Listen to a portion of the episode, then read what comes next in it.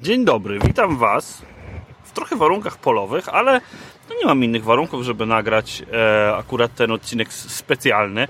I to jest odcinek podcastu 2EDU. To nie jest letnia szkoła e-learningu, ale z racji tego, że subskrybujecie, że śledzicie ten, e, ten kanał, te audycje, to e, a temat jest ważny, no to stwierdziłem, że, że wrzucę taki odcinek ekstra. E, temat jest ważny, dlatego że pojawiło się ostatnio, zostało oddane do konsultacji społecznych rozporządzenie e, stworzone przez Ministerstwo Nauki i Szkolnictwa Wyższego dotyczące e, e-learningu, dotyczące zajęć zdalnych. I teraz na czym ono polega? Sporym skrócie, bo tam tych paragrafów jest mnóstwo, ale paragraf 12 mówi o tym, że mm, zajęcia zdalne na, w trakcie studiów, dowolnych studiów,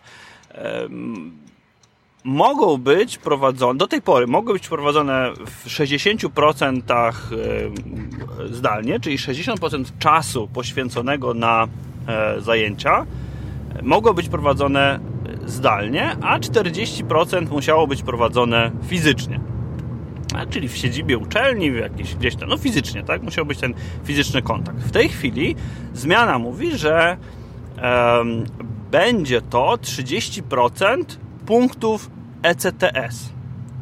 I teraz nie chcę się tutaj wdawać w metodę wyliczania punktów ECTS i tak dalej, ale no, ta zmiana jest y, trochę niefortunna z kilku względów. E, powiem Wam teraz, jakie to są względy i jakie mam trzy tęgie rozkminy na ten temat. Pierwsza tęga rozkmina jest taka, że um, oczywiście pojawiło się, pojawiło się wiele dyskusji i niektórzy się żalą, niektórzy się chwalą, e, ale jakby konstruktywnie nie widzę, żeby tam było, było jakieś rozwiązanie tego, jakaś sugestia albo argumenty, dlaczego warto albo dlaczego nie warto. I teraz powiem Wam, jaką mam tęgą rozkminę. Oczywiście szczegóły takiego listu otwartego, który napisałem, możecie zobaczyć na blog2edu.pl.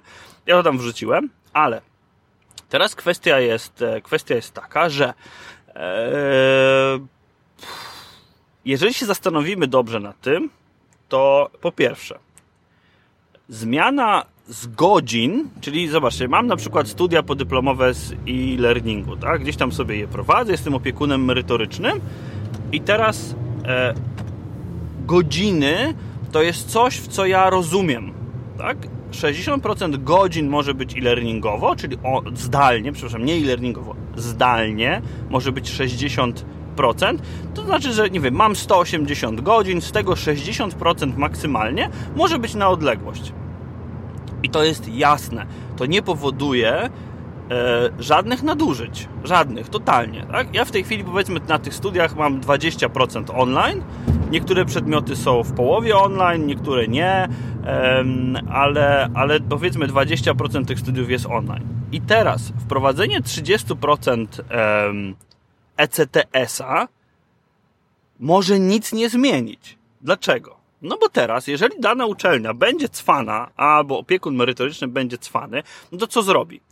Tak przekonfiguruje ten program, żeby dalej te 60 czy 70% nawet było online, ale żeby mu się punkty ECTS zgadzały. Czyli e, teoretycznie te, te, te przedmioty, które w tej chwili są ważne, i mają tych punktów dużo, no bo to mniej więcej tak wygląda, tak? Tam się jakoś przelicza, to godzinowo, tam jakieś cuda są, no nie, ale no generalnie, jeżeli są te przedmioty ważne, to one mają tych punktów ECTS więcej, jeżeli są bardziej istotne dla ukończenia danego kierunku. No ale teraz, jeżeli ja na przykład mam na tych studiach prowadzących, których nie chcę ściągać co weekend do Krakowa, bo to nie ma sensu po prostu, nie ma takiej potrzeby um, dydaktycznej, żeby ich ściągać do Krakowa, tak? No nie, w ogóle to się mija z celem. A bo, bo, bo uczą tak specyficznego przedmiotu, który w zasadzie musi być zrealizowany online, no bo studia dotyczą e-learningu, tak? I teraz ja sobie to porobię tak, że ja na przykład uczę instructional design i ucząc instructional design uważam, że to jest istotny przedmiot, on ma dużo punktów ECTS i tak dalej, ale w momencie, kiedy ja będę miał problem z tym, żeby te studia ułożyć, no to co zrobię? Tak poprzepisuję to, tak to pozmieniam, żeby 30% tych ECTS-ów było, czyli po prostu pościągam sobie tych punktów ECTS z jednego przedmiotu, pododaję do drugiego i generalnie będzie to samo, tak? Czyli sens pisania takiego rozporządzenia jest żaden, jeżeli się zmienia w środku jego metrykę. W sensie to, coś, to co mierzymy. I, i to jest jeden, to, to, to jest plaga wielu organizacji, czyli jeżeli nam coś nie wychodzi, albo jeżeli coś nam się nie sprawdza, to zmieńmy sobie metrykę w środku i będzie cool. No nie? Zmieńmy metrykę i zacznijmy liczyć to inaczej i dalej będzie e, sukces. Więc jakby tu mi się wydaje, że e, nawet jeżeli już abstrahując od tego, czy to ograniczenie jest skuteczne, czy sensowne, czy niesensowne, to ograniczenie w takiej formie jak dzisiaj, czyli z, przy okazji zmiany metryki, czyli zrobienie dwóch zmian jednocześnie, zlimitowanie pewnej wartości, to jest tylko limitowanie teoretyczne. Bo e, ja jestem w stanie sobie spokojnie te studia przeprogramować tak, że będę spełniał to rozporządzenie, będę spełniał te wymagania, a na studiach się nic nie zmieni. Więc uważam, że to jest mm, no niekoniecznie najlepsze rozwiązanie. Żeby nie powiedzieć kompletnie z dupy. Ale ja tego nie powiedziałem. I teraz tak. Drugi aspekt jest taki, że wydaje mi się, że mm, to jest słabo odrobione zadanie domowe.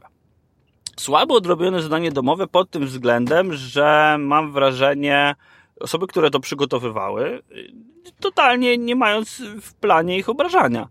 E, no nie odrobiły zadania domowego, nie sprawdziły tego, co się tak naprawdę w Europie i w świecie dzieje i jakie stoją wyzwania przed e, takim kształceniem. Oprócz tego nie zastanowiły się na tym, ja, ja bym oczekiwał, może tak, taką wrzutkę tu zrobię, ja bym oczekiwał, że takie organizacje jak ministerstwo ustalają pewne standardy. I te standardy powinny być przestrzegane, pewne regulacje, pewien, um, pewien taki, jak to się ładnie mówi um, po angielsku, guideline, a po polsku się mówi wytyczne. O właśnie, że ministerstwo tworzy wytyczne, ministerstwo tworzy standardy, ministerstwo dba o pewnego rodzaju pryncypia, tak? Czyli tworzy takie podstawy, definicje, definiuje pewne rzeczy, pewne rzeczy określa i teraz jeżeli to już pookreśla, to na podstawie tego organizacje różnego rodzaju, takie na przykład jak Stowarzyszenie e-learningu akademickiego, e, nie wiem, centra e-learningu, centra doskonałości, tworzą pewnego rodzaju standard, tak? Czyli mamy pryncypia, które nam przyświecają, mamy politykę pewną, która, nie mówię politykę w sensie uprawiania polityki, tylko politykę w sensie pewnego dokumentu. I na podstawie tej polityki tworzone są przez ekspert, ekspertów, przez organizacje, przez stowarzyszenia, przez fundacje, tworzone są standardy. I potem te standardy są albo nie są przestrzegane, ale na podstawie tych standardów można no jakby specyficznie działać. Można na podstawie tych standardów tworzyć um, określone działania, metryki, certyfikować e, organizacje, certyfikować kursy, certyfikować e, prowadzących, jakby określać, dbać o jakość w, jakiś, w jakimś sensie. I teraz e, założenie kagańca na e, takie świeże, dopiero co wyinkubowane mm, nauczanie zdalne, moim zdaniem tylko i wyłącznie zaszkodzi. Czyli brakuje nam e, kierunku, brakuje nam pryncypiów, brakuje nam e, polityk i standardów, ale zabraliśmy się na wszelki wypadek za ograniczenie. E, I to ograniczenie totalnie w formie totalnie nieskutecznej. No, pff, słabizna. Kolejna rozkmina, którą mam, jest taka, że z tego co słyszałem i wieść gminna niesie, no to uczelnie jakby nie cierpią na nadmiar studentów. Nie jest tak, że ci studenci biją drzwiami i oknami i nagle okazuje się, że e, no po prostu nie można się opędzić od nich, no nie? Zupełnie tak nie jest. E, uczelnie się biją o studentów, uczelnie wymyślają nowe kierunki, uczelnie naprawdę stają na głowie w tej chwili żeby e, można było uczyć lepiej. Nie? I jeżeli w tym momencie zabiera im się jedno z narzędzi, a nie daje nic w zamian, no to to co? No to generalnie sprowadza się to do tego, że wspiera się duże molochy, a strzela się w stopę tym mniejszym. I to jest, rozumiem, że pewnego rodzaju strategia, która no, ma uchronić te duże uczelnie przed konkurencją uczelni prywatnych, z tym, że uczelnie prywatne, uwaga, uwaga, sam pan minister dobrze wie, bo powołał Wyższą Szkołę Europejską do, do, do życia, tę w Krakowie, e, uczelnie prywatne sobie poradzą albo sobie się zamkną i one mają dużo większą elastyczność, więc ta zmiana tutaj jakby spokojnie y, się zadzieje. Problem będzie dla tych uczelni, które, ma, które są duże, które zainwestowały dużo w kształcenie zdalne, które nadają pewien standard e, w Polsce temu, temu uczeniu i dla tych uczelni to będzie problem. No bo, ale teraz zobaczcie, no z drugiej strony e, za czyje pieniądze to zrobią? No za te same, które to ograniczają, więc jakby może to się wszystko zgadza. I jeżeli chodzi o tych studentów, o których zacząłem, to problem ogromny z tymi studentami jest taki, że oni znają angielski. I ja nie wiem, czy się ludzie tam w ministerstwie ogarnęli, że studenci naprawdę dzisiaj znają angielski.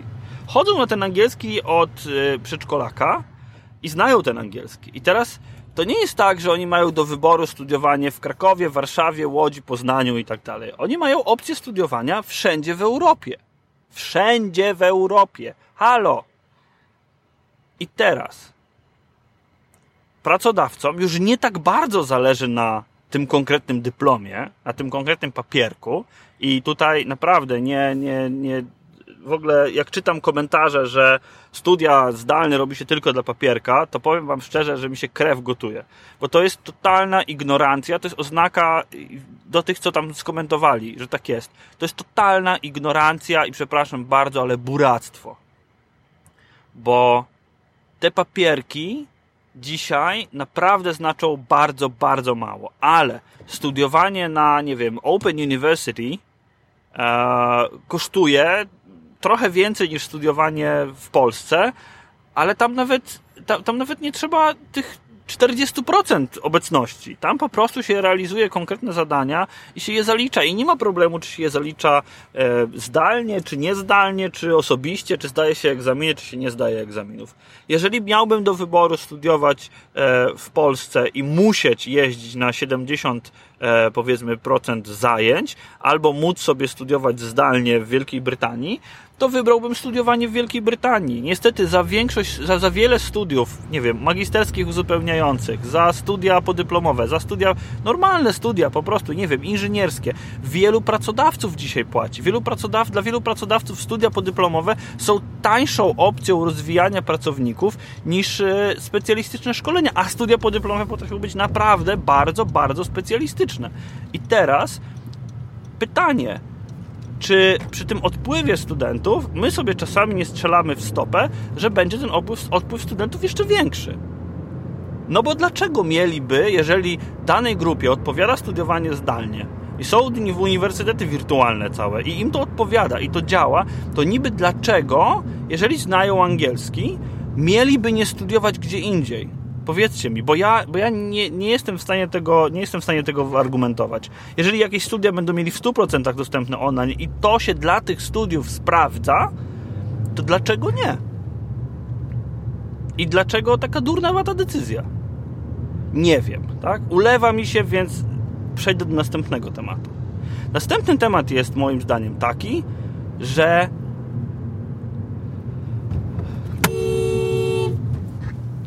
no byłby pan we mnie wjechał. No ale życie.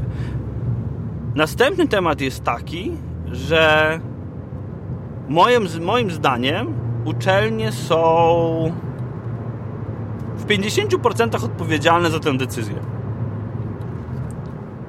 Tak, naprawdę. I teraz e, możecie się wszyscy moi drodzy znajomi e, akademicko i learningowo uczelniani obrazić na mnie, ale trochę mam to gdzieś.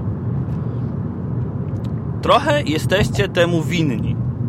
Winni w sensie takim, że podejście do e-learningu akademickiego było takie trochę lelum polelum, sralis mazgalis.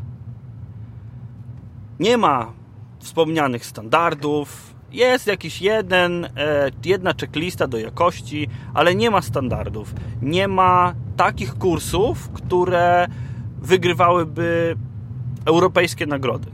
Nie ma, po prostu nie ma. I muki, które już funkcjonują ho, ho, ho na świecie, no to u nas się zdarzają. I to jest to, co napisałem w tym, e, w tym liście. U nas, i to jest bardzo złe, innowacja w e, kształceniu w ogóle ma charakter wyspowy. Ona się zdarza. I czasami ona się nam przydarza. I kształcenie zdalne to nie tylko Moodle z zawieszonymi prezentacjami, PDF-ami i wideo. To nie tylko to. To serie webinarów, live'y, e, transmisje z konferencji, transmisje z e, różnych wydarzeń, e, nagrania konferencji. Proszę zobaczyć, to, to co ma SWPS na Spotify'u. To są, to, to, to jest coś, co co się powinno zdarzyć, ale dlaczego tam nie ma wszystkich uczelni? Dlaczego w iTunes University nie ma wszystkich naszych uczelni?